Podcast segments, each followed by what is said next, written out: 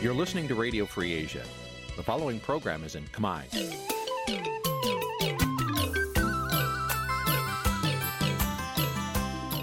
នេះជាកម្មវិធីផ្សាយ Vuthu Azizi Serai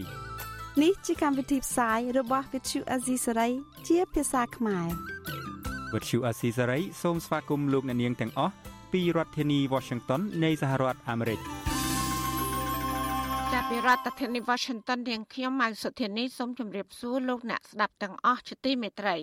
ចាយើងខ្ញុំសូមជូនការផ្សាយសម្រាប់ព្រឹកថ្ងៃសៅរ៍6កើតខែផល្គុនឆ្នាំខាលចត្វាស័ក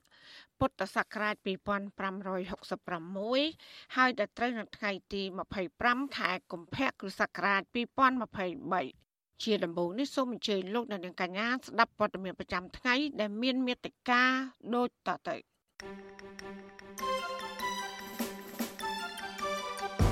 អង្គការឃ្លាំមើលអន្តរជាតិដកប្រទេសកម្ពុជា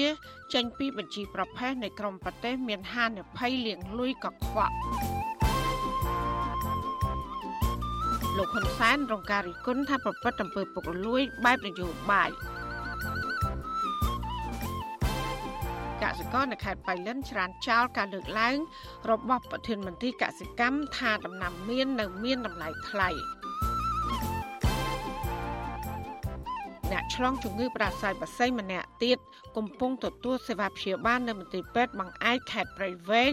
រួមនឹងព័ត៌មានសំខាន់សំខាន់មួយចំនួនទៀតចាត់ជាបន្តទៅទៀតនេះនាងខ្ញុំម៉ៃសុធានីសូមជូនព័ត៌មានទាំងនោះពឺស្ដាប់ ចាលោកនានីរាត្រីមេត្រីអង្គការឃ្លាំមើលអំពើលាងលុយកខ្វក់លើពិភពលោកឈ្មោះថាក្រុមការងារសកម្មភាពហិរញ្ញវត្ថុដែលមានមូលដ្ឋាននៅទីក្រុងប៉ារីសប្រទេសបារាំងបានដកកម្ពុជាចេញពីបញ្ជីប្រភេទនៃប្រទេសលាងលុយកខ្វក់កាលពីថ្ងៃទី24ខែកុម្ភៈ ក្រុមការងារសកម្មភាពហិរញ្ញវត្ថុនេះបានចេញសេចក្តីថ្លែងការណ៍បញ្ជាក់ថាក្រៅពីប្រទេសកម្ពុជា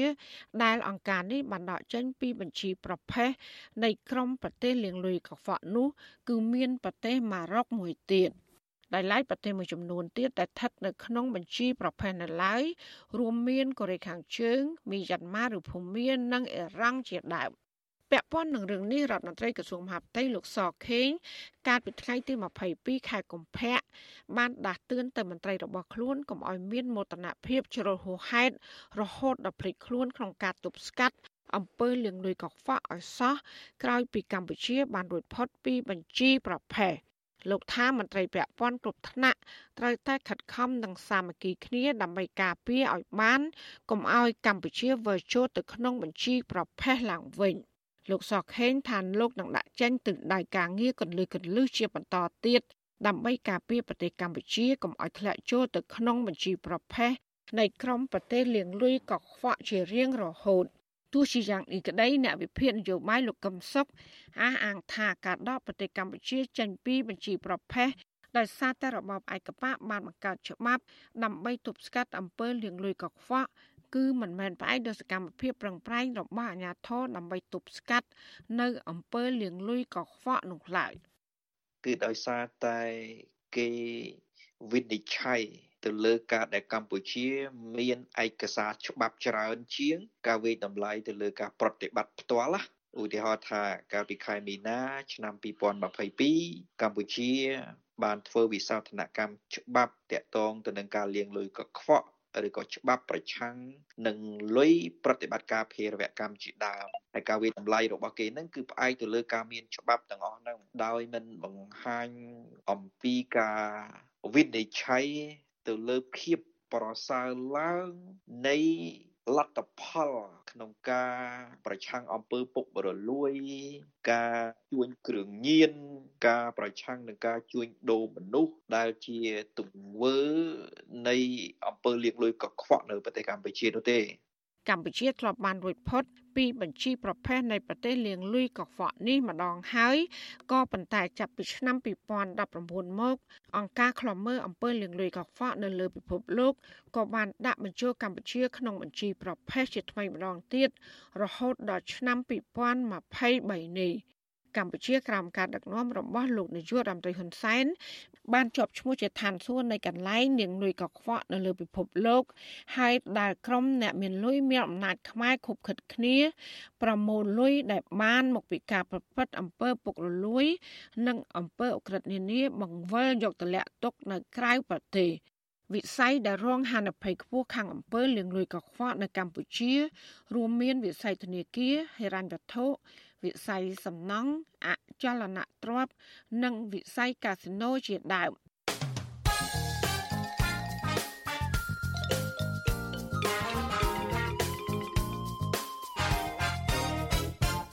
ចាលោកនាយកជាទីមេត្រីមន្ត្រីគណៈបពប្រឆាំងនិងមន្ត្រីសង្គមស៊ីវិលរិះគន់ថាលោកហ៊ុនសែនកំពុងប្រព្រឹត្តអំពើពុករលួយ បែបនយោបាយយ៉ាងសកម្មដើម្បីកឹបកេងប្រយោជន៍សម្រាប់គណៈបកកណ្ដាលអំណាច ជាពិសេសគឺសម្រាប់ប្រយោជន៍របស់ក្រុមគូសាលោកផ្ទាល់ប្រតិកម្មនេះធ្វើឡើងនៅបន្ទាប់ពីលោកហ៊ុនសែនកំពុងធ្វើយុទ្ធនាការអូទាញអ្នករិះគន់លោកតាមវិធីគម្រាមកំហែងផង និងលួងលោមផង ដើម្បីឲ្យងាកមកគ្រប់គ្រងលោក ហើយត្រូវរិះគន់ទៅក្រុមអ្នកប្រជាធិបតេយ្យវិញ ជាថ្នូរនឹងការទទួលបានបុណ្យស័ក្តិលៀបសក្ការៈនៅតាមក្រសួងស្ថាប័នរដ្ឋចាប់ពីរដ្ឋធានី Washington លោកលេងម៉ាលីរាយការណ៍ព័ត៌មាននេះ មន្ត្រីគណៈបកប្រឆាំងនិងសង្គមស៊ីវិលលើកឡើងថាការកើតឡើងអំពើពុករលួយមិនមែនជារឿងថ្មីសម្រាប់កម្ពុជានោះទេប៉ុន្តែពួកគេព្រួយបារម្ភថាករណីអំពើពុករលួយផ្នែកនយោបាយពីសំណាក់អ្នកកាន់អំណាចគឺប៉ះពាល់ខ្លាំងបំផុតនិងជាឧបសគ្គដល់ការអនុវត្តគោលការណ៍ប្រជាធិបតេយ្យនិងការគោរពសិទ្ធិមនុស្សព្រមទាំងការអភិវឌ្ឍជាតិ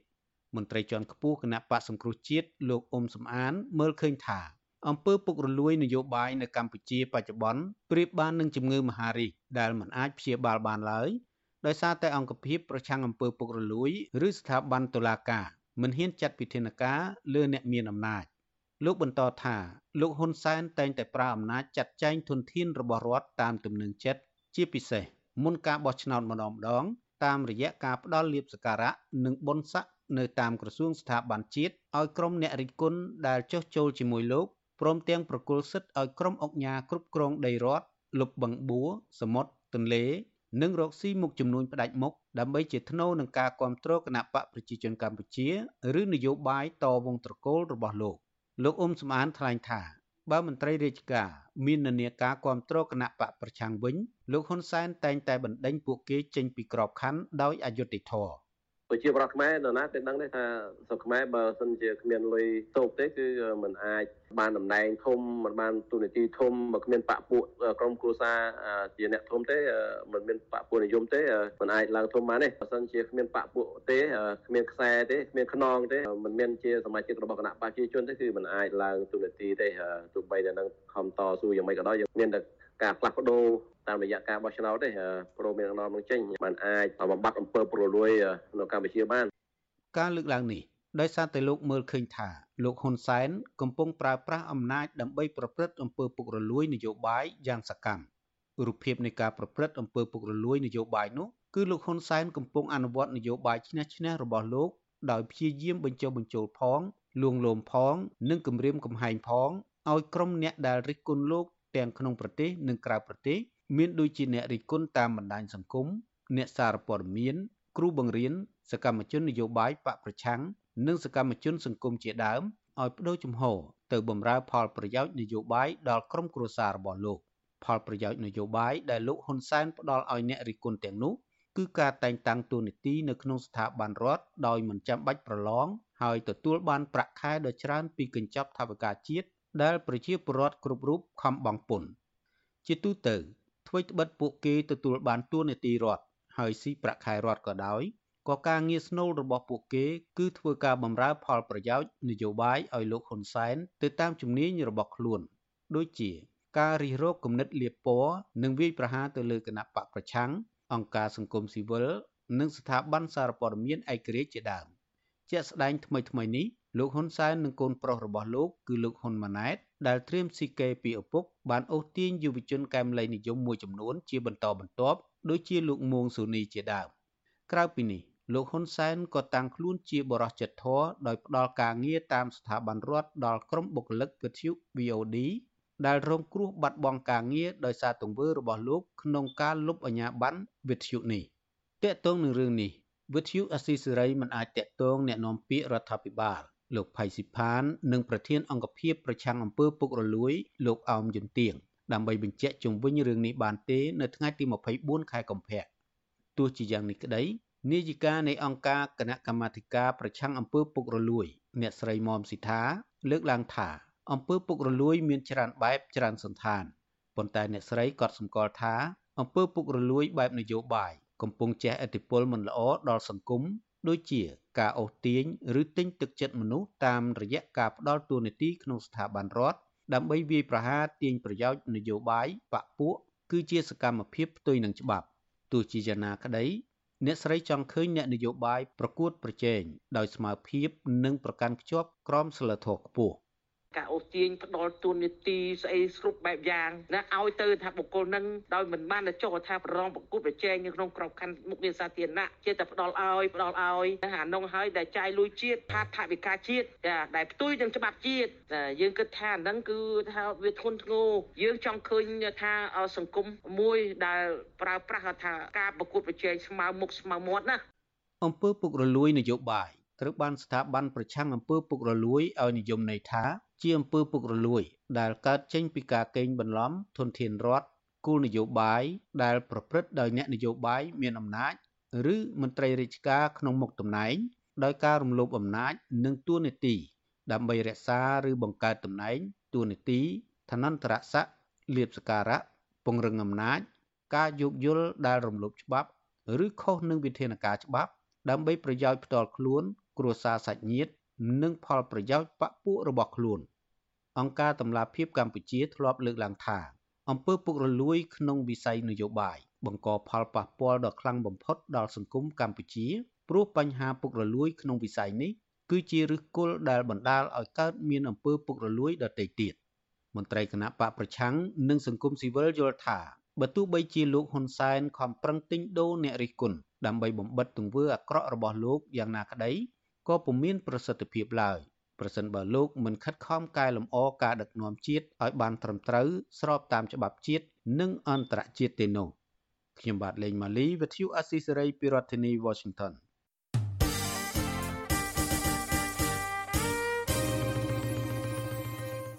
ចាលោកនាងកញ្ញាកំពុងស្ដាប់ការផ្សាយរបស់វិទ្យុអស៊ីសេរីផ្សាយចេញពីរដ្ឋធានី Washington អ្នកធ្វើការងារលើវិស័យអប់រំបារម្ភពីបញ្ហាសិលធម៌សង្គមកំពុងធ្លាក់ចុះយ៉ាងខ្លាំងដែលចាំបាច់ត្រូវតែមានវិធានការពង្រឹងឡើងវិញពួកគាត់យល់ឃើញថានៅពេលដែលសង្គមមួយបាត់បង់ឬក៏ធ្លាក់ចុះសិលធម៌នោះនឹងធ្វើឲ្យមនុស្សរស់នៅក្នុងសង្គមគ្មានសេចក្តីសុខនិងសន្តិភាពទាំងផ្លូវចិត្តនិងផ្លូវកាយបានឡើយចាសសេចក្តីនៃការផ្សាយពីរឿងនេះលោកណានៀងនឹងបានស្ដាប់នាពេលបន្តិចទៀតនេះ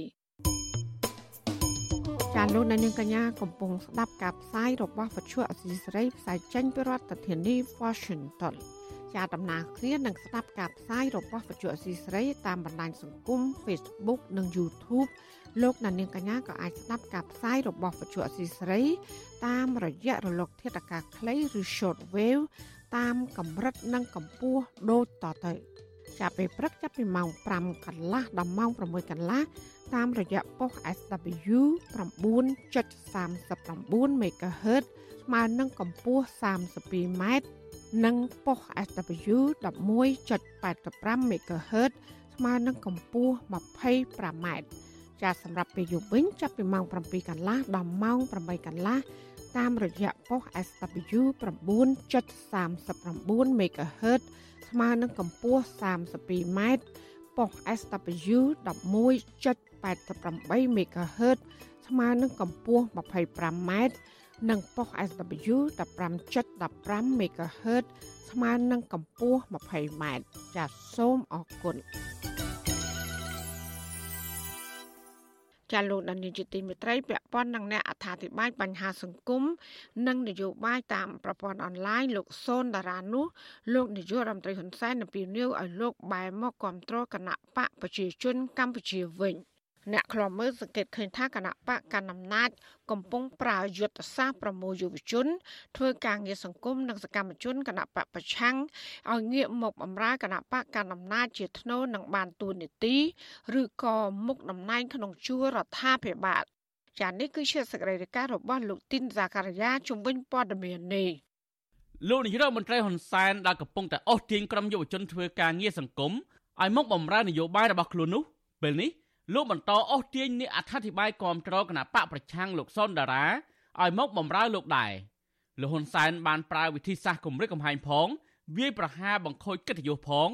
និងហាក់ដូចជាអង្វរលួងលោមផង ដើម្បីធ្វើឲ្យលោកសុនដារាចូលរួមជាមួយគណៈបកកណ្ដាលអំណាចលោកហ៊ុនសែនចោទប្រកាន់ថាបើលោកសុនដារា ជាកូនមិនស្ដាប់បង្គាប់ឪពុកម្ដាយដូច្នេះមិនអាចធ្វើឲ្យប្រជាពលរដ្ឋជឿជាក់ថា លោកសុនដារា ស្រឡាញ់និងស្ដាប់ប្រជាពលរដ្ឋឡើយ។ លោកហ៊ុនសែនលើកឡើងទៀតថារឿងនយោបាយមិនមែនជារឿងសាមញ្ញពេកនោះទេបើលោកសនតារាតាំងខ្លួនចេះជាងឪពុករបស់ខ្លួននោះ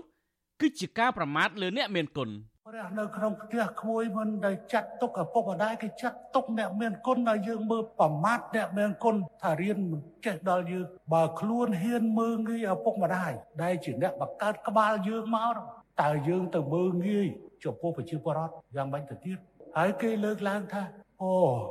មនុស្សដល់ថ្នាក់កម្រិតប៉ុណ្ណឹងលេងស្គាល់ម៉ែលេងស្គាល់ឪវាជាដេរិឆានទៅចឹងវិញទេក្មួយលោកហ៊ុនសែនរំលឹកថាឪពុករបស់លោកសុនដារាជាមន្ត្រីយោធានៃក្រសួងការពារជាតិចំណែកប្អូនជាមន្ត្រីនគរបាលនៅក្រសួងមហាផ្ទៃទោះជាលោកសុនដារាគាំទ្រគណៈបកសង្គ្រោះជាតិក្តីក៏លោកមិនបញ្ឈប់ការងារសាច់ញាតិរបស់លោកសុនដារាដែរលោកហ៊ុនសែនហាក់កំពុងអស់ទាញនឹងគម្រិតកំហែងលោកសុនដារាឲ្យងាកមកគាំទ្រលោកវិញដោយយកលេសថា លោកសនដារាមិនស្ដាប់បង្គាប់ឪពុកនេះគឺជាទង្វើផ្ទុយពីរដ្ឋធម្មនុញ្ញរដ្ឋធម្មនុញ្ញមាត្រា31ចែងថាប្រជាពលរដ្ឋខ្មែរមានភាពស្មើគ្នាចំពោះមុខច្បាប់មានសិទ្ធិសេរីភាពនិងករណីយកិច្ចដូចគ្នាទាំងអស់ដោយអត់ប្រកាន់ពូជសាសន៍ពណ៌សម្បុរភេទភាសាជំនឿសាសនានិន្នាការនយោបាយដើមកំណើតជាតិឋានៈសង្គមធនធានឬស្ថានភាពឯទៀតឡើយម្យ៉ាងវិញទៀតឪពុករបស់លោកសុនដារា មានតួនាទីជាមន្ត្រីយោធាគឺជាការងារក្របខ័ណ្ឌរដ្ឋមិនមែនជាការងារបម្រើបកឬបម្រើនយោបាយលោកហ៊ុនសែននោះឡើយទោះបីជាយ៉ាងនេះក្តីឪពុកម្ដាយរបស់លោកសុនដារាដែលនៅសេសសល់ជីវិតពីរបបខ្មែរក្រហមទំនងត្រូវបានរដ្ឋាភិបាលលោកហ៊ុនសែនយកមកធ្វើជាចំណាប់ខ្មាំងឲ្យវាយប្រហារកូនរបស់ខ្លួនប៉ុន្មានថ្ងៃមកនេះប្រព័ន្ធឃោសនារបស់លោកហ៊ុនសែនបានខិតខំចុះទៅសម្ភាសផ្សព្វផ្សាយវីដេអូឪពុកម្ដាយរបស់លោកសុនដារា ដែលបានចេញមុខនិយាយថាលោកសនតារាតាំងខ្លួនជាអ្នកចេះជាងឪពុកអូននឹងទៅខាងផ្សេងដែលខ្ញុំអប់រំលែងបាននិយាយលែងស្ដាប់វារហូតទៅដល់អ្នកងារខ្ញុំថាខ្ញុំនឹងចេះអត់ដល់វាទៀតនោះមិនបាច់ចាំទៅដល់អ្នកដែលនេះទេគាត់ខ្ញុំនិយាយទៅវាថាប្រឯងមិនចេះដល់ខ្ញុំទេប្រឯងមិនបាច់និយាយនឹងខ្ញុំទេប្រឯងរៀនមិនដូចខ្ញុំទេបាទវារៀនដល់ណាដល់ណីហើយប្រឯងរៀនអញ្ចឹងមិនដឹងទេអញ្ចឹងមិនបាច់និយាយនឹងខ្ញុំទេប្រឯង ធ្វើតែការងារខ្លួនឯងទៅកុំបាច់គិតរឿងខ្ញុំកន្លងទៅថ្មីថ្មីនេះនៅពេលអ្នកតស៊ូនៅក្រៅប្រទេសរិះគន់លោកហ៊ុនសែនម្ដងម្ដងលោកហ៊ុនសែនបាននិយាយទាំងកំហឹងថាទោះបីជាអ្នករិះគន់ទាំងនោះរស់នៅក្រៅប្រទេសដែលលោកមិនអាចតាមចាប់ដាក់គុកឬតាមធ្វើបាបបានដោយអ្នកនៅក្នុងស្រុកដែលលោកហ៊ុនសែនកំពុងតែត្រួតត្រាក្តីក៏បរោះខ្លាំងរូបនេះបញ្ជាឲ្យសមាជិកស្វែងរកសាច់ញាតិឬឪពុកម្ដាយរបស់អ្នកទាំងនោះដើម្បីយកមកប្រមានគំរាមកំហែង ឬបង្គាប់ឲ្យនិយាយតាមអ្វីដែលលោកហ៊ុនសែនចង់បាន នៅតាមប្រព័ន្ធផ្សព្វផ្សាយដែលបំពងសម្លេងឲ្យរបបឯកបកនោះក្រោយពីការព្រមានរបស់លោកហ៊ុនសែននេះសមត្ថកិច្ចក៏បានចុះទៅដល់ផ្ទះឪពុកម្ដាយរបស់អ្នករិះគន់ពីក្រៅប្រទេសជាបន្តបន្ទាប់ដូចជាឪពុកម្ដាយរបស់លោកសួងអ្នកពាន់និងឪពុកម្ដាយរបស់លោកសុនដារានេះជាដើមតាក់ទងនឹងករណីនេះលោកសុនដារាបានឆ្លើយតបតាម Facebook របស់លោកកាលពីថ្ងៃទី22កុម្ភៈថា ឪពុករបស់លោកឈប់រាប់រកលោកតាំងពីឆ្នាំ2017មកម្លេះពីព្រោះលោកមិនព្រមចូលគណៈបកប្រជាជនកម្ពុជាតាមការចង់បានពីឪពុករបស់លោកលោកសូមមិនបកស្រាយនៅសម្ដីរបស់ឪពុកលោកនោះទេប៉ុន្តែលោកសោកស្ដាយមកជាប់ពាក់ពិននឹងរឿងនយោបាយរបស់លោកលោកសនដារាឲ្យដឹងទៀតថាលោកធ្លាប់ផ្ញើសារទៅកូនប្រុសរបស់លោកហ៊ុនសែនគឺលោកហ៊ុនម៉ាណែតថាលោកនិងឪពុករបស់លោកមិនជាប់ពាក់ព័ន្ធគ្នាទេទេពីព្រោះឪពុករបស់លោក ជាសមាជិកគណៈបកប្រជាជនកម្ពុជាប៉ុន្តែលោកជាអ្នកគាំទ្រគណៈបកសង្គ្រោះជាតិលោកអះអាងថាការគាំទ្រគណៈបកណាមួយគឺជាសិទ្ធិសេរីភាពរៀងៗខ្លួនខ្ញុំសូនតារាគោរពដឹងគុណឪពុកម្ដាយស្រឡាញ់ឪពុកម្ដាយគ្មានដែនកំណត់គ្មានអ្វីអាចកាត់ថ្លៃបានទោះជាជីវិតរបស់ខ្ញុំក៏មិនអាចមានតម្លៃស្មើនឹងគុណឪពុកម្ដាយដែរខ្ញុំមិនដែល កាត់កាលឪពុកម្ដាយមិនដែលបោះបង់ចោលឪពុកម្ដាយប៉ុន្តែឪពុករបស់ខ្ញុំគាត់មិននិយាយរកខ្ញុំជារឿងរបស់គាត់ប្រហែលជាគាត់មានហេតុផលជារឿងរបស់គាត់លោកសុនដារាជាអ្នកគាំទ្រគណៈបកប្រឆាំងកំពុងរស់នៅប្រទេសបារាំងសប្តាហ៍ថ្ងៃលោកជាអ្នកអត្ថាធិប្បាយតាមបណ្ដាញសង្គម Facebook និយាយពីបញ្ហានយោបាយ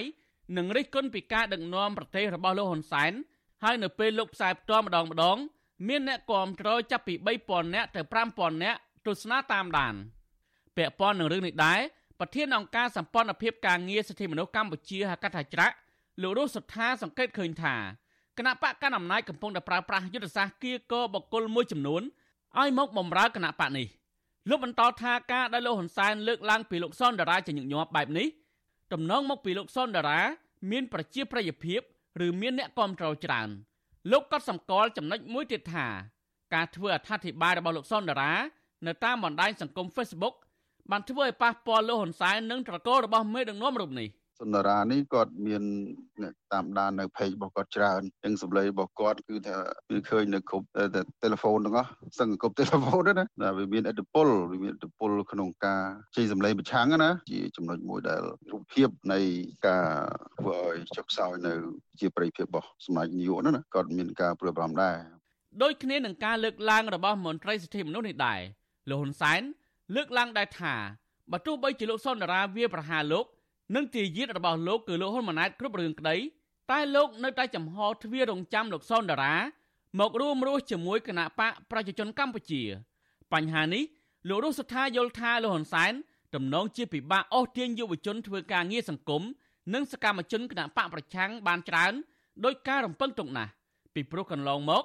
គេមើលឃើញថានៅពេលលោកហ៊ុនសែនប្រមូលមនុស្សទាំងនោះបានហើយ គឺលោកប្រើមនុស្សទាំងនោះឲ្យទៅវាយប្រហារបកប្រឆាំងឬស្ថាប័នដើមរបស់អ្នកទាំងនោះវិញរួចហើយលោកហ៊ុនសែនទុកពួកគេចោលក្រោយពីផ្ដាល់ទូនាទីខ្យល់ដែលគ្មានការិយាល័យធ្វើការពិតប្រាកដនោះខ្ញុំទីនសាការីយ៉ាអស៊ីសេរីប្រធានីវ៉ាស៊ីនតោនចាលោកអ្នកស្ដាប់យុតិមេត្រីដោយឡែកតកតងនឹងទំនាស់ដីធ្លីវិញ មន្ត្រីសង្គមស៊ីវិលលើកឡើងថាការដែលមិនយកចិត្តទុកដាក់របស់មន្ត្រីថ្នាក់ខេត្តទៅធ្វើឲ្យប្រជាពលរដ្ឋនាំគ្នាតស៊ូទាំងលំបាកលំបិនឡើងមកតវ៉ាសុំដំណោះស្រាយរឿងដីធ្លី ពីថ្នាក់ជាតិជាញឹកញាប់នៅទីក្រុងភ្នំពេញការលើកឡើងនេះគឺនៅបន្ទាប់ពីរដ្ឋមន្ត្រីក្រសួងមហាផ្ទៃបានចេញបញ្ជាឲ្យអភិបាលខេត្តឈប់សំងំយកតសុក និងត្រូវខំយកចិត្តទុកដាក់ដោះស្រាយបញ្ហាដីធ្លីជូនប្រជាពលរដ្ឋ ចាសសូមស្ដាប់សេចក្តីរាយការណ៍របស់លោកនៅវណ្ណរិនជំវិញព័ត៌មាននេះប្រជាពលរដ្ឋនិងសង្គមស៊ីវិលគាំទ្រចំពោះការលើកឡើងជាថ្មីទៀតរបស់រដ្ឋមន្ត្រីក្រសួងមហាផ្ទៃលោកសខេងដែលជំរុញឲ្យអភិបាលខេត្តនានាយកចិត្តទុកដាក់ដោះស្រាយបញ្ហាដីធ្លីជូនពលរដ្ឋទោះជាយ៉ាងនេះក៏ដោយពលរដ្ឋនិងសង្គមស៊ីវិលស្នើឲ្យលោកសខេងប្រើអំណាចរបស់លោកចាត់វិធានការទៅលើអភិបាលខេត្តរូបណាដែលស្ពឹកស្រពន់ ទើបប័ណ្ណបញ្ជារបស់លោកមានប្រសិទ្ធភាព។អ្នកសម្របសម្រួលគម្រោងធុរកិច្ចនិងសិទ្ធិមនុស្សនៃមជ្ឈមណ្ឌលសិទ្ធិមនុស្សកម្ពុជា លោកវ៉ាន់សុផាតប្រាប់វិទ្យុអាស៊ីសេរីថាវាជាគំរូល្អមួយ ដែលលោកសខេងក្នុងនាមជាមេដឹកនាំថ្នាក់ជាតិចាប់អារម្មណ៍ពិនិត្យមើលរាល់ពាក្យបណ្ដឹងរបស់ពលរដ្ឋនិងជំរុញឲ្យមានការឆ្លើយតបនិងពន្លឿនការដោះស្រាយ។ អានេះវាជាសញ្ញាមួយនៃការចាប់អារម្មណ៍របស់ថ្នាក់ដឹកនាំថ្នាក់ជាតិដូចជាសម្ដេចសខេងជាដើម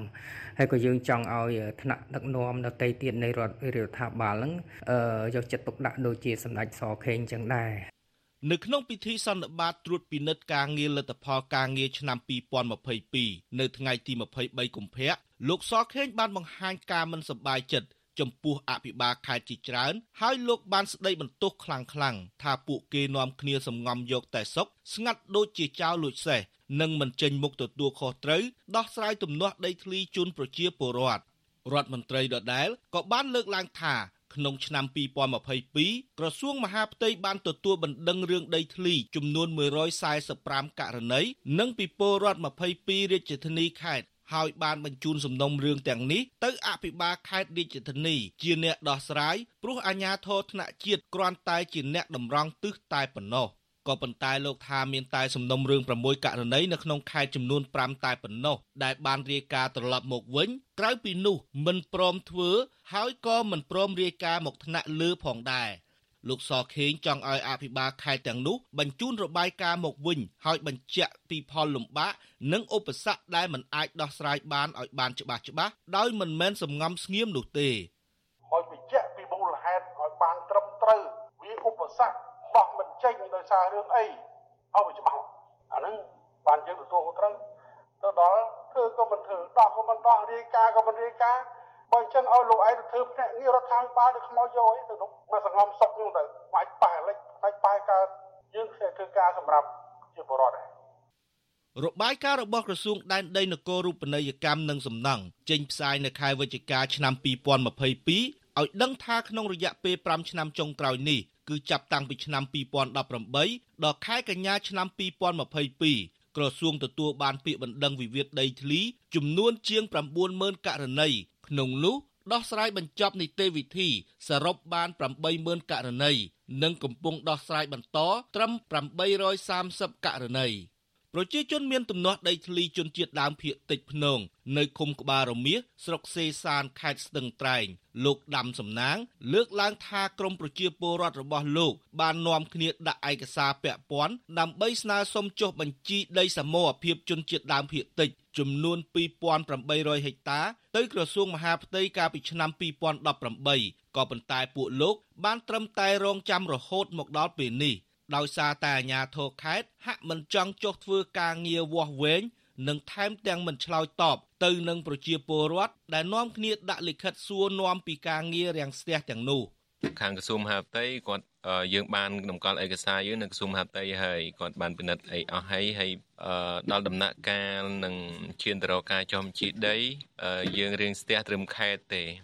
លោកដាំសំណាង បន្តថាពលរដ្ឋនៅក្នុងឃុំក្បាលរមៀសចង់ចុះបញ្ជីដីសមរភាពឲ្យបានឆាប់ឆាប់ដើម្បីការពារដីព្រៃឲ្យបានគង់វង្ស ខណៈការទន្ទឹងរង់ចាំមិនច្បាស់លាស់នេះធ្វើឲ្យមានចំនួនកាន់តែធំហើយក្រុមហ៊ុនដាំកៅស៊ូនឹងជែករបស់ចិននៅតំបន់នោះបន្តឈូសឆាយប៉ះពាល់ដីសហគមន៍ថែមទាំងដីស្រែរបស់ពួកគាត់ទៀតផង។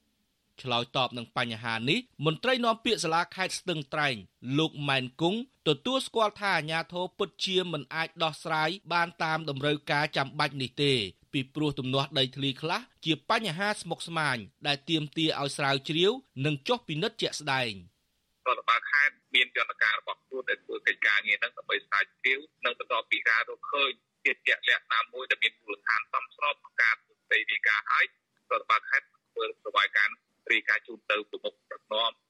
ជុំវិញរឿងនេះនាយកទទួលបន្ទុកកិច្ចការទូតនៃអង្គការលីកាដូលោកអំសំអាត បានលើកឡើងថាបញ្ហាដីធ្លីមួយចំនួន ដែលជាប់គាំងដោះស្រាយមិនចេញគឺដោយសារតែជាទំនាស់រវាងប្រជាពលរដ្ឋជាមួយនឹងអ្នកមានអំណាច និងអ្នកមានទ្រព្យធនទាំងនេះហើយគឺជាមូលហេតុដែលក្រមប្រជាពលរដ្ឋនាំគ្នាឡើងមកសុំកិច្ចអន្តរាគមន៍ដល់ថ្នាក់ជាតិហើយរឿងដីធ្លីមួយចំនួនទៀតมันទាន់មានការដោះស្រាយទេប៉ុន្តែបែរជាមានបណ្ដឹងក្នុងការកោះហៅពួកគាត់ជាបន្តបន្ទាប់ទៅសាលាការទៅវិញកន្លងមកលោកសខេងក៏ធ្លាប់ស្ដីបន្ទោសភាពអសកម្មរបស់អាជ្ញាធរខេត្តក្នុងការដោះស្រាយបញ្ហារបស់ប្រជាពលរដ្ឋនៅតាមមូលដ្ឋាន ជាពិសេសរឿងបញ្ហាដីធ្លីនោះដែរក៏ប៉ុន្តែការលើកឡើងរបស់លោកពុំសូវមានប្រសិទ្ធភាពនោះឡើយ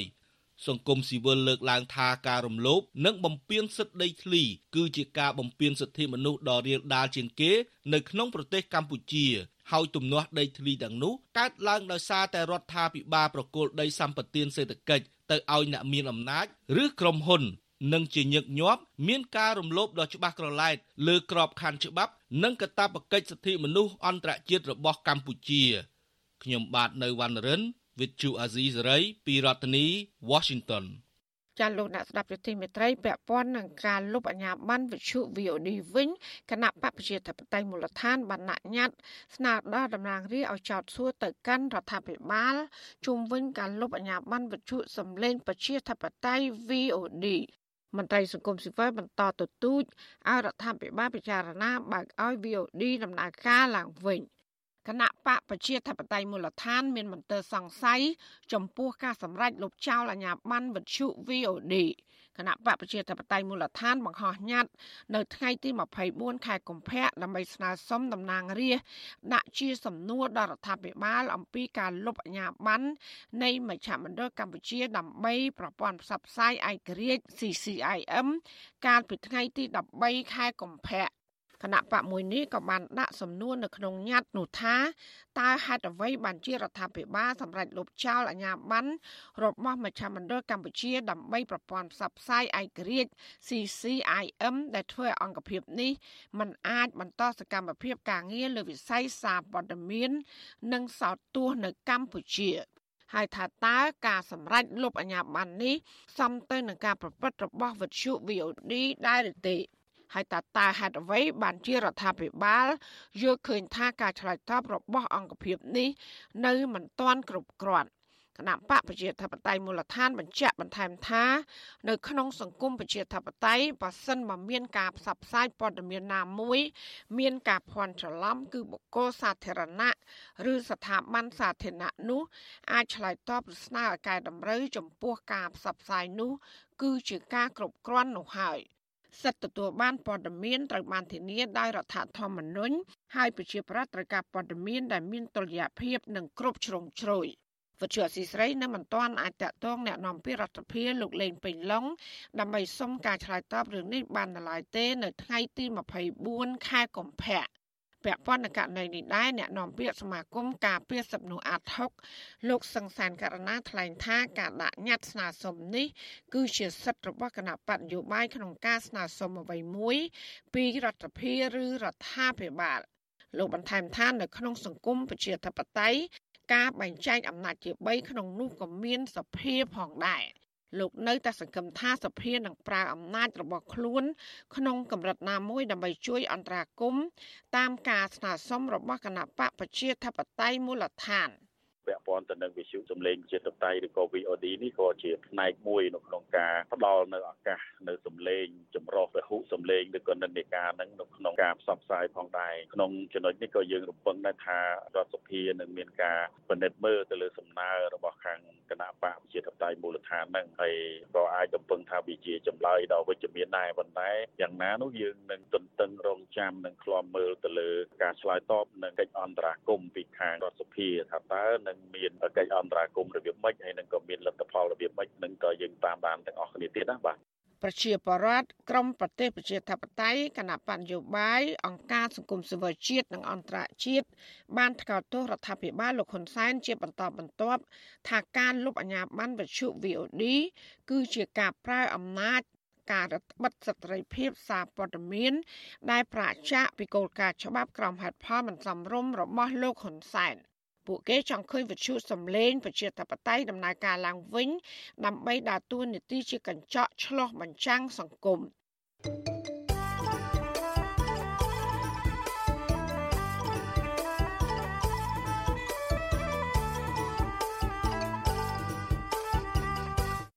ចាលោកអ្នកស្ដាប់ទទីមេត្រីពជាកសិករនៅឯស្រុកសាឡាក្រៅខេត្តបៃលិនត្អូញត្អែថាតម្លៃមានឬផ្លែតាងែនมันមានតម្លៃថ្លៃដូចជាការលើកឡើងរបស់ប្រធានមន្ត្រីកសិកម្មលោកសាយសុផាតនោះឡើយការច្រានចោលរបស់ពជាកសិករទាំងនោះ គឺនៅបន្ទាប់ពីប្រធានមន្ត្រីកសិកម្មខេត្តបៃលិន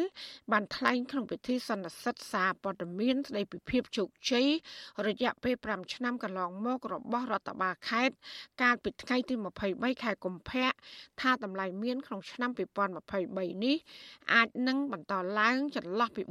4200រៀលទៅដល់4500រៀលក្នុង1គីឡូក្រាម ចា៎នេះគឺជាសកម្មភាពពិស្ដាររបស់លោកសេកបណ្ឌិតជំនាញព័ត៌មាននេះកសិករនៅស្រុកសាលាក្រៅខេត្តបៃលិនខកចិត្តដែលប្រធានមន្ទីរកសិកម្មលោកសាយសុផាត លើកឡើងពីតម្លៃផ្លែមៀនទទួលបានតម្លៃថ្លៃ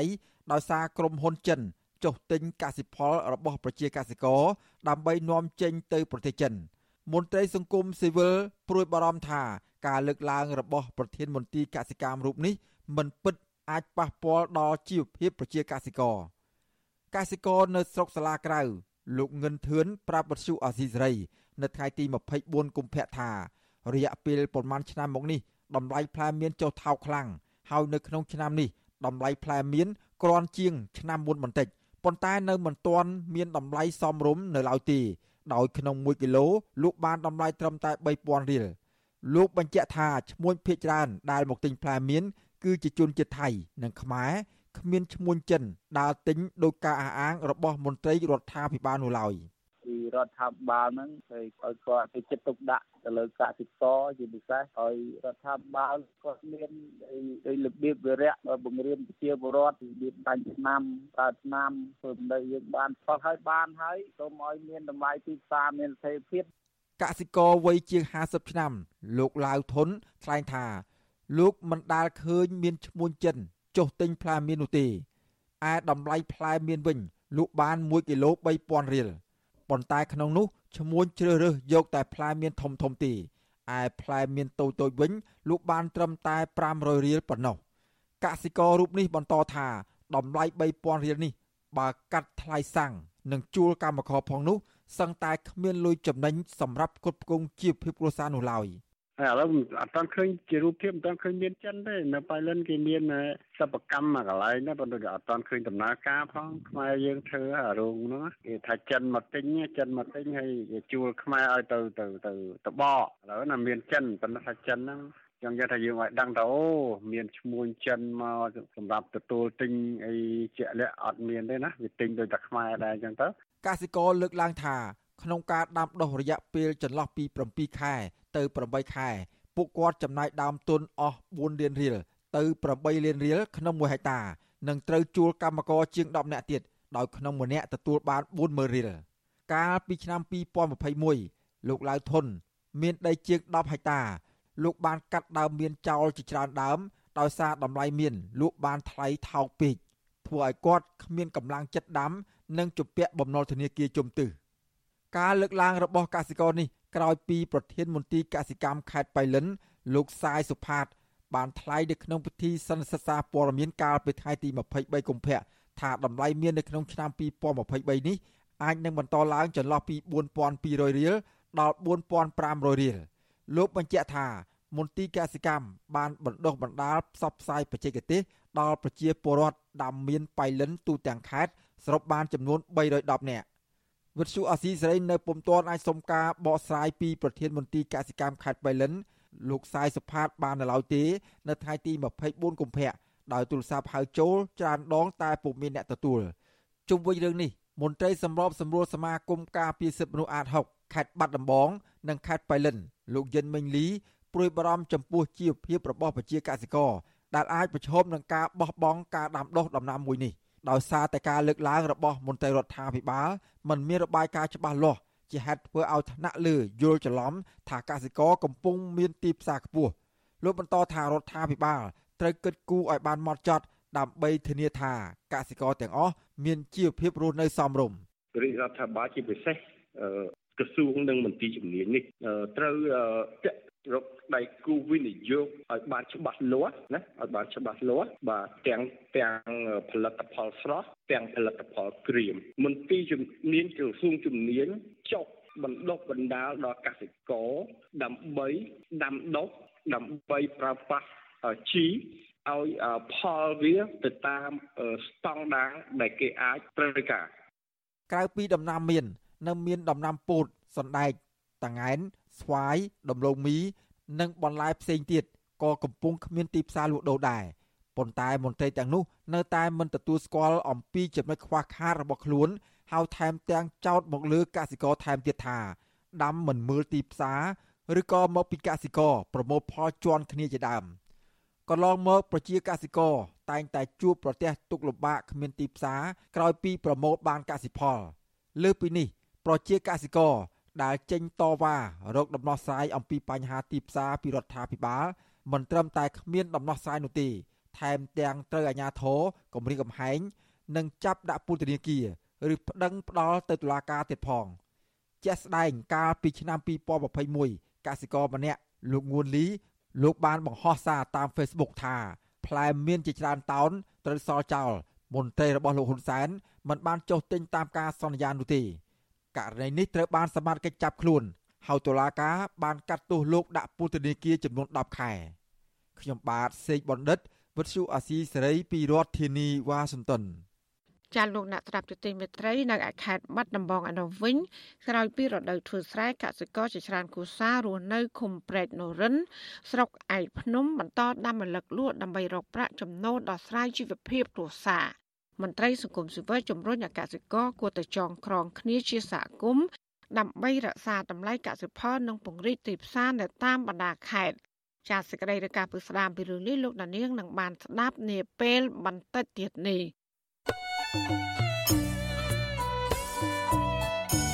ចាលោកដានៀងជាទីមេត្រីវັດជុអសីស្រីសូមជូនដំណឹងថាយើងគ្មានអ្នកយកព័ត៌មានប្រចាំនៅប្រទេសកម្ពុជានោះឡើយ បើសិនជាមានជនណាម្នាក់អះអាងថាជាអ្នកយកព័ត៌មានឲ្យវិទ្យុអសីស្រីនៅកម្ពុជានោះគឺជាការក្លែងបន្លំយកឈ្មោះរបស់វិទ្យុអសីស្រី ក្នុងគោលបំណងទុច្ចរិតរបស់បុគ្គលនោះចាសសូមអរគុណ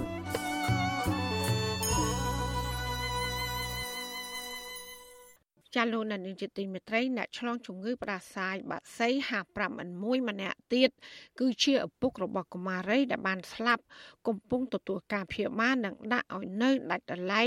នៅក្នុងមន្ទីរពេទ្យបង្អែកស្រុកស៊ីធរកណ្ដាលខេត្តព្រៃវែងរដ្ឋលេខាធិការក្រសួងសុខាភិបាលអ្នកត្រីយុសម្បត្តិបានប្រាប់បណ្ដាញព័ត៌មានក្នុងស្រុកកាលពីថ្ងៃទី24ខែកុម្ភៈម្សិលមិញ ថាស្ថានភាពអ្នកជំងឺផ្ដាសាយបាក់សីទី2នេះគឺមានសភាពធម្មតាហើយក្រុមគ្រូពេទ្យក៏បានចាប់ផ្ដើមព្យាបាលអ្នកជំងឺដែលផ្ទុកមេរោគ H5N1 នេះដោយប្រើប្រាស់ឱសថប្រឆាំងវីរុសកុមារីដែលបានស្លាប់ដោយសារឆ្លងជំងឺផ្ដាសាយបាក់សីកាលពីថ្ងៃទី22ខែកុម្ភៈមានអាយុ11ឆ្នាំ ជាសិស្សរស់នៅឃុំជែកស្រុកសិទ្ធរកណ្ដាលខេត្តព្រៃវែង កុមារីរងគ្រោះបានចាប់ផ្ដើមឈឺតាំងពីថ្ងៃទី16ខែកុម្ភៈដោយមានរោគសញ្ញាគ្រុនក្តៅ39អង្សាក្អកនិងឈឺបំពង់កក ក្រោយពីកុមារីស្លាប់ក្រុមការងារអង្កេតស្រាវជ្រាវបន្ទាន់របស់ក្រសួងសុខាភិបាលកាលពីថ្ងៃទី23ខែកុម្ភៈក៏បានចុះប្រមូលយកវត្ថុសំណាកពីអ្នកប៉ះពាល់ដោយផ្ទាល់ចំនួន12នាក់ដើម្បីធ្វើការវិភាគរោគមេរោគក៏ប៉ុន្តែលទ្ធផល បង្ហាញថាមានតែឪពុករបស់កុមារីដែលស្លាប់នោះទេ ដែលមានវិជ្ជមានវ៉ៃរុសផ្ដាសាយបាក់សីប្រភេទ H5N1 ប៉ុន្តែមនុស្ស11នាក់ផ្សេងទៀតគ្មានវិជ្ជមានជំងឺផ្ដាសាយបាក់សីនោះឡើយ ចាប់តាំងពីឆ្នាំ2005មកកម្ពុជាមានករណីជំងឺផ្ដាសាយបាក់សីកើតលើមនុស្សចំនួន58នាក់ក្នុងនោះ39នាក់បានស្លាប់ និងរស់រានមានជីវិតមាន19ករណីអង្គការសុខភាពពិភពលោកឲ្យដឹងដែរថាករណីឆ្លងជំងឺផ្ដាសាយបាក់សីលើមនុស្សចាប់តាំងពីឆ្នាំ2021មក រួមមាននៅប្រទេសចិនឥណ្ឌាអេស្ប៉ាញអង់គ្លេសនិងនៅសហរដ្ឋអាមេរិក ករណីឆ្លងថ្មីលើសត្វបសាបក្សីក្នុងស្រុក និងសត្វរស់នៅក្នុងព្រៃមានប្រមាណជិត42លានសត្វនៅជុំវិញពិភពលោកចាប់តាំងពីឆ្នាំ2021មក ក្នុងនោះក៏មានសត្វ15លានបានងាប់រួមទាំងសត្វមាន់ផងដែរថ្មីថ្មីនេះអង្គការសុខភាពពិភពលោកក៏អំពាវនាវរដ្ឋាភិបាល នៃបណ្ដាប្រទេសទាំងអស់យកចិត្តទុកដាក់ពិនិត្យឲ្យបានល្អិតល្អន់ក្រែងមេរោគផ្ដាសាយបាក់សី H5N1 នេះបំបែកខ្លួនឆ្លងរាលដាលទៅមនុស្ស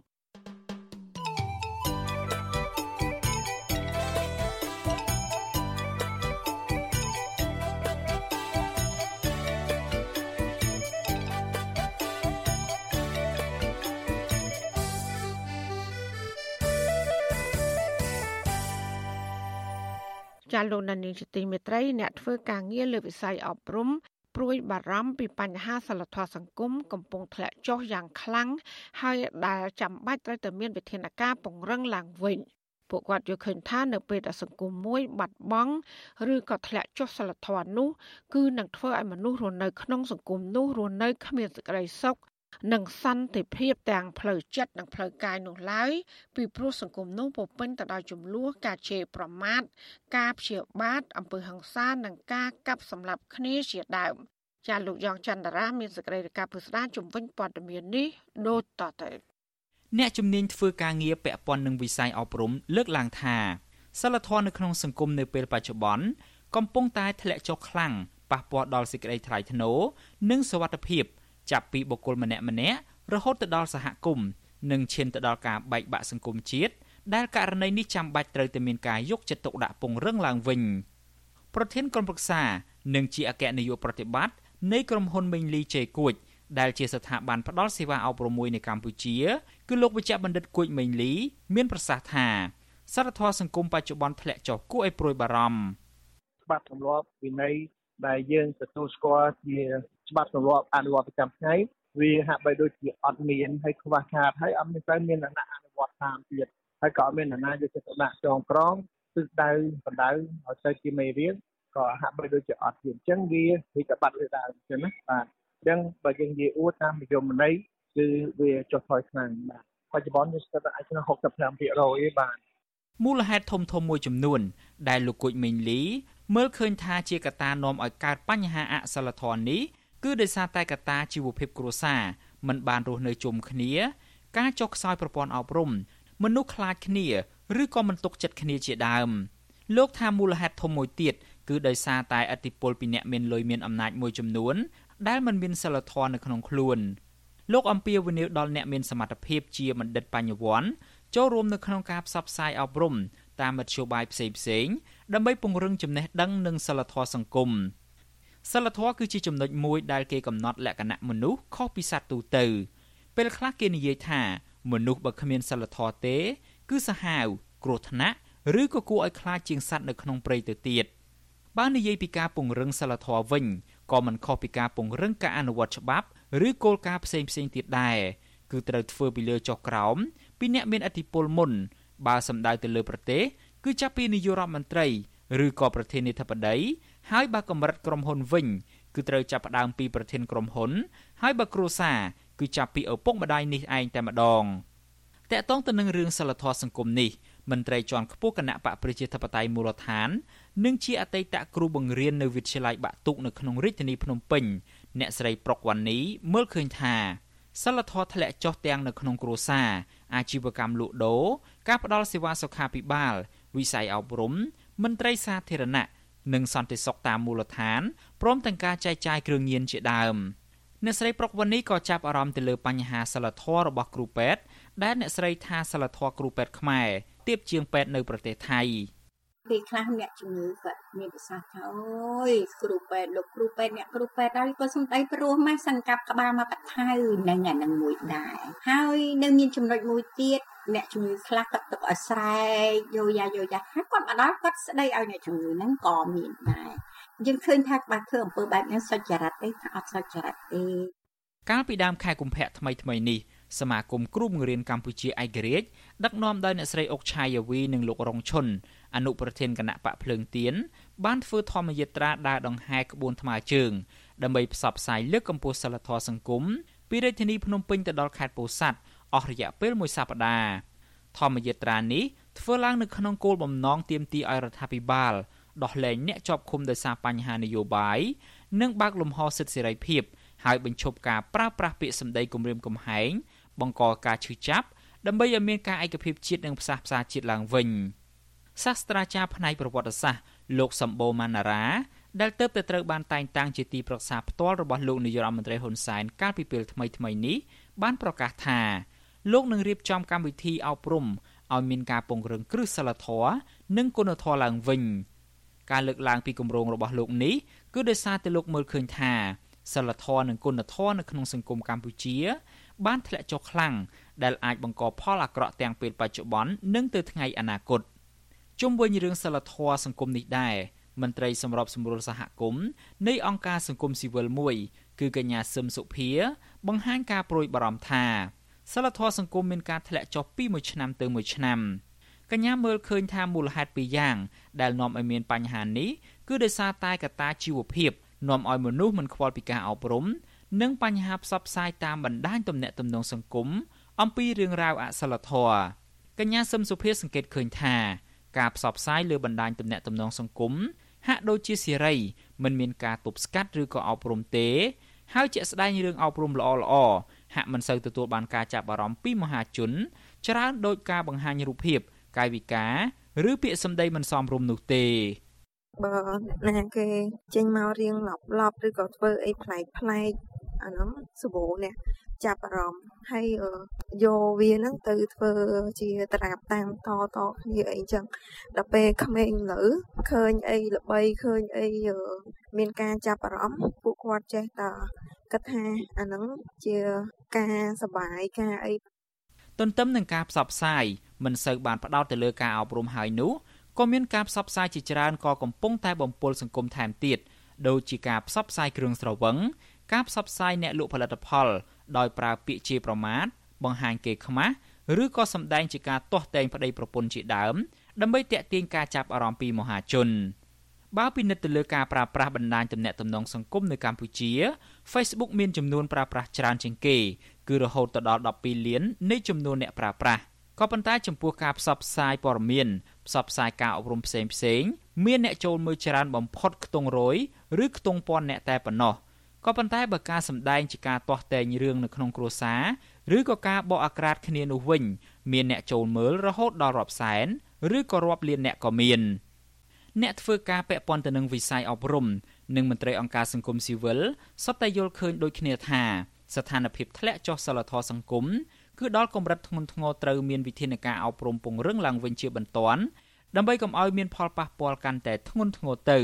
ហើយបង្កគ្រោះថ្នាក់ចាប់ពីបុគ្គលម្នាក់ម្នាក់រហូតដល់សង្គមជាតិទាំងមូលពួកគេលើកឡើងទៀតថាប្រសិនបើមិនមានវិធានការដោះស្រាយពង្រឹងសិលធម៌សង្គមឲ្យមានប្រសិទ្ធភាពទេនោះ ផលប៉ះពាល់ជាប្រព័ន្ធនឹងកាន់តែរីករាលដាលនៅក្នុងសង្គមកម្ពុជាខ្ញុំយ៉ងច័ន្ទដារាវិទ្យុអាស៊ីសេរី Washington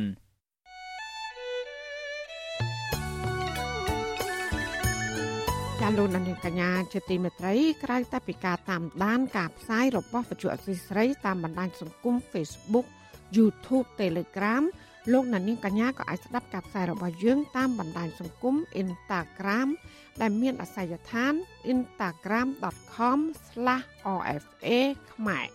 ចាវិទ្យុអសីស្រីនឹងបន្តខិតខំផ្សាយព័ត៌មានពិតទៅកាន់លោកនាងកញ្ញាតាមរយៈបណ្ដាញសង្គមផ្សេងៗនិងសម្បូរបែបដើម្បីឲ្យលោកអ្នកនាងងាយស្រួលតាមដានការផ្សាយរបស់យើងគ្រប់ពេលវេលា និងគ្រប់ទីកន្លែងតាមរយៈទូរស័ព្ទដៃរបស់លោកអ្នកចាសសូមអរគុណ ចាលោកអ្នកត្រាប់ទទិញមេត្រីនៅខេត្តបាត់ដំបងអនុវិញក្រោយពីរដូវធ្វើស្រែកសិករជាច្រើនគូសារស់នៅឃុំព្រែកនរិន ស្រុកឯកភ្នំបន្តដាំម្លឹកលក់ដើម្បីរកប្រាក់ចំណូលដល់ស្រ័យជីវភាពគ្រួសារមន្ត្រីសង្គមស៊ីវិលជំរុញឲ្យកសិករគួរតែចងក្រងគ្នាជាសហគមន៍ដើម្បីរក្សាតម្លៃកសិផលនិងពង្រីកទីផ្សារនៅតាមបណ្ដាខេត្តចាសសូមលោកដានៀងស្ដាប់សេចក្តីរាយការណ៍របស់លោកជីវតាជំវិញព័ត៌មាននេះ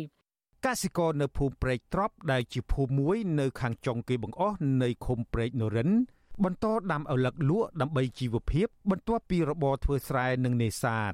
ពួកគាត់ឲ្យដឹងថាបើទោះជាតម្លៃទីផ្សារឪឡឹកគ្មានស្ថិរភាព ម្ដងឡើងម្ដងចុះក្តីក៏ពួកគាត់នៅតែបន្តដំណាំមួយនេះព្រោះជាដំណាំងាយស្រួលដាំនិងមានរយៈពេលខ្លីក្នុងការទទួលផលកសិករនៅភូមិព្រែកត្រប់លោកសាំងសុកសាន ប្រាប់វិទ្យុអាស៊ីសេរីថា បច្ចុប្បន្ននៅសល់តែភូមិព្រែកត្រប់មួយប៉ុណ្ណោះនៅក្នុងស្រុកឯកភ្នំដែលមានកសិករនៅដាំឪឡឹកលោកបន្តថា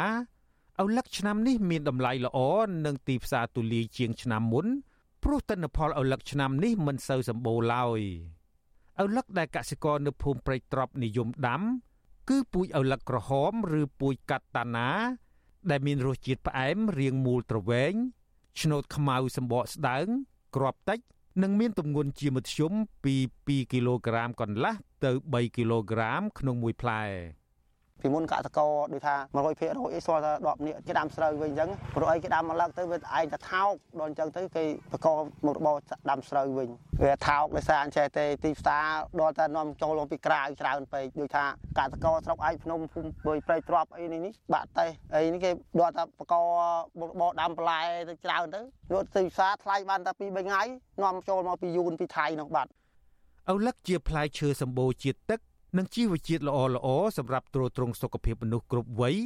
ជាពិសេសទទួលទានល្អបំផុតនៅក្នុងរដូវក្តៅ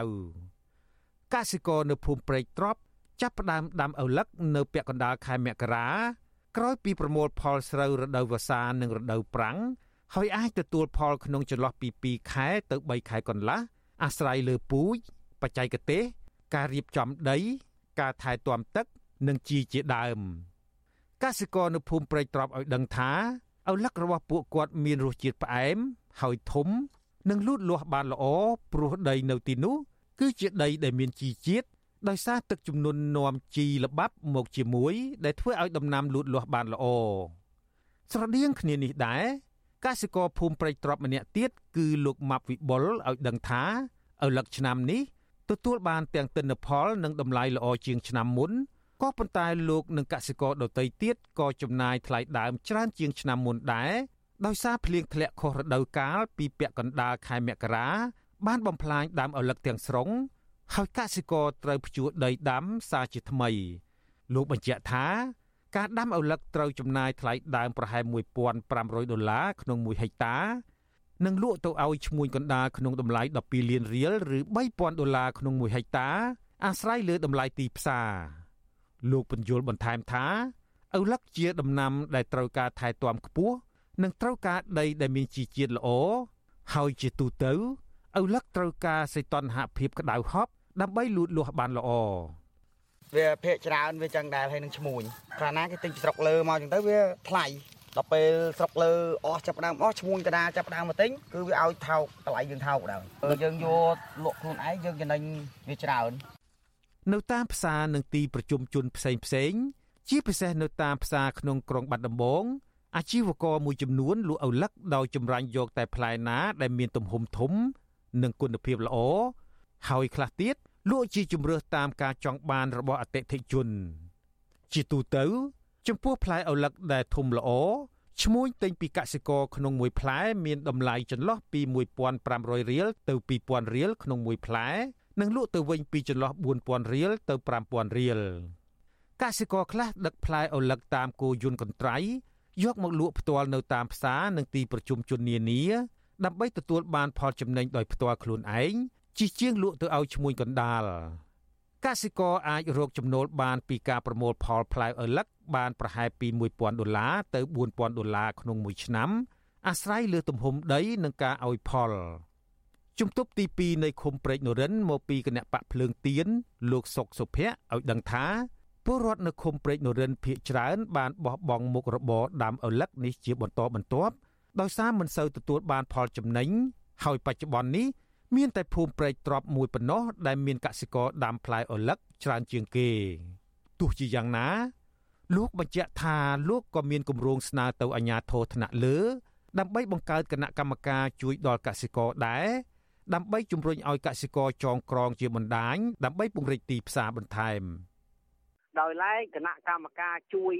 ផ្គត់ផ្គង់ឬជួយសេដ្ឋកិច្ចជួយបញ្យល់ដល់កសិករប្រេងរិនហ្នឹងអត់មានទេគម្រោងបង្កើតគណៈកម្មការយើងត្រូវដឹងថាទី1តម្រូវការទីផ្សារហ្នឹងស្អីហើយយើងត្រូវដឹងទីផ្សារនៅក្នុងស្រុកខ្មែរទី1ទី2ត្រូវការថវិកាក្រមថវិកាជុំវិញរឿងនេះ អ្នកសម្របសម្រួលផ្នែកឃ្លាំមើលការរំលោភសិទ្ធិមនុស្សនៃអង្គការលីកាដូប្រចាំខេត្តបាត់ដំបងលោកអិនគង្គចិត្តជំរុញឲ្យកសិករចងក្រងគ្នាជាសហគមន៍មួយដើម្បីរក្សាតម្លៃកសិផល និងពង្រីកទីផ្សារនៅតាមបណ្ដាខេត្តមួយចំនួន ជាពិសេសពង្រឹងគុណភាពកសិផល ដើម្បីប្រកួតប្រជែងលើទីផ្សារទន្ទឹមគ្នានេះលោកស្នើដល់អាជ្ញាធរថាគួរតែសិក្សាដើម្បីបង្កើតគណៈកម្មការសម្រាប់ជួយដល់កសិករទៅលើបច្ចេកទេស និងទីផ្សារ ដោយបង្កើតផ្សារសហគមន៍សម្រាប់ឲ្យកសិករដាក់តាំងបង្ហាញផលិតផលកសិកម្មដោយផ្ទាល់ដល់អតិថិជន។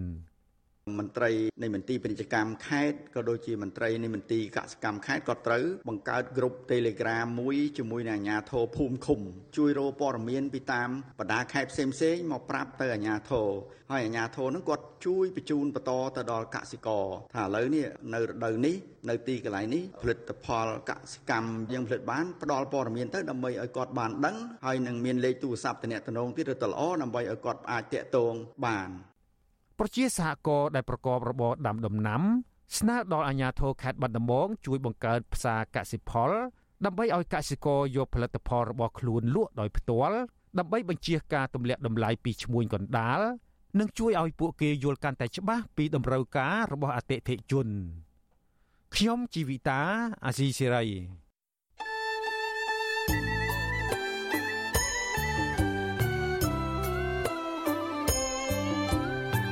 ចាលោកនាងកញ្ញាអ្នកស្ដាប់ជទីមេត្រីកັບផ្សាយរយៈពេល1ម៉ោងនៃវិទ្យុអាស៊ីស្រីជាភាសាខ្មែរនៅពេលនេះចាប់តែប៉ុណ្ណេះចាយើងខ្ញុំទាំងអស់គ្នាសូមជូនពរលោកលានាងព្រមទាំងក្រុមគូសាទាំងអស់សូមជួបប្រកបតែនឹងសេចក្តីសុខសេចក្តីចម្រើន ជានិរន្តរ៍ចានាងខ្ញុំម៉ៃសុធានីព្រមទាំងក្រុមការងារទាំងអស់នៃវិទ្យុអសីស្រីសូមអរគុណនិងសូមជម្រាបលា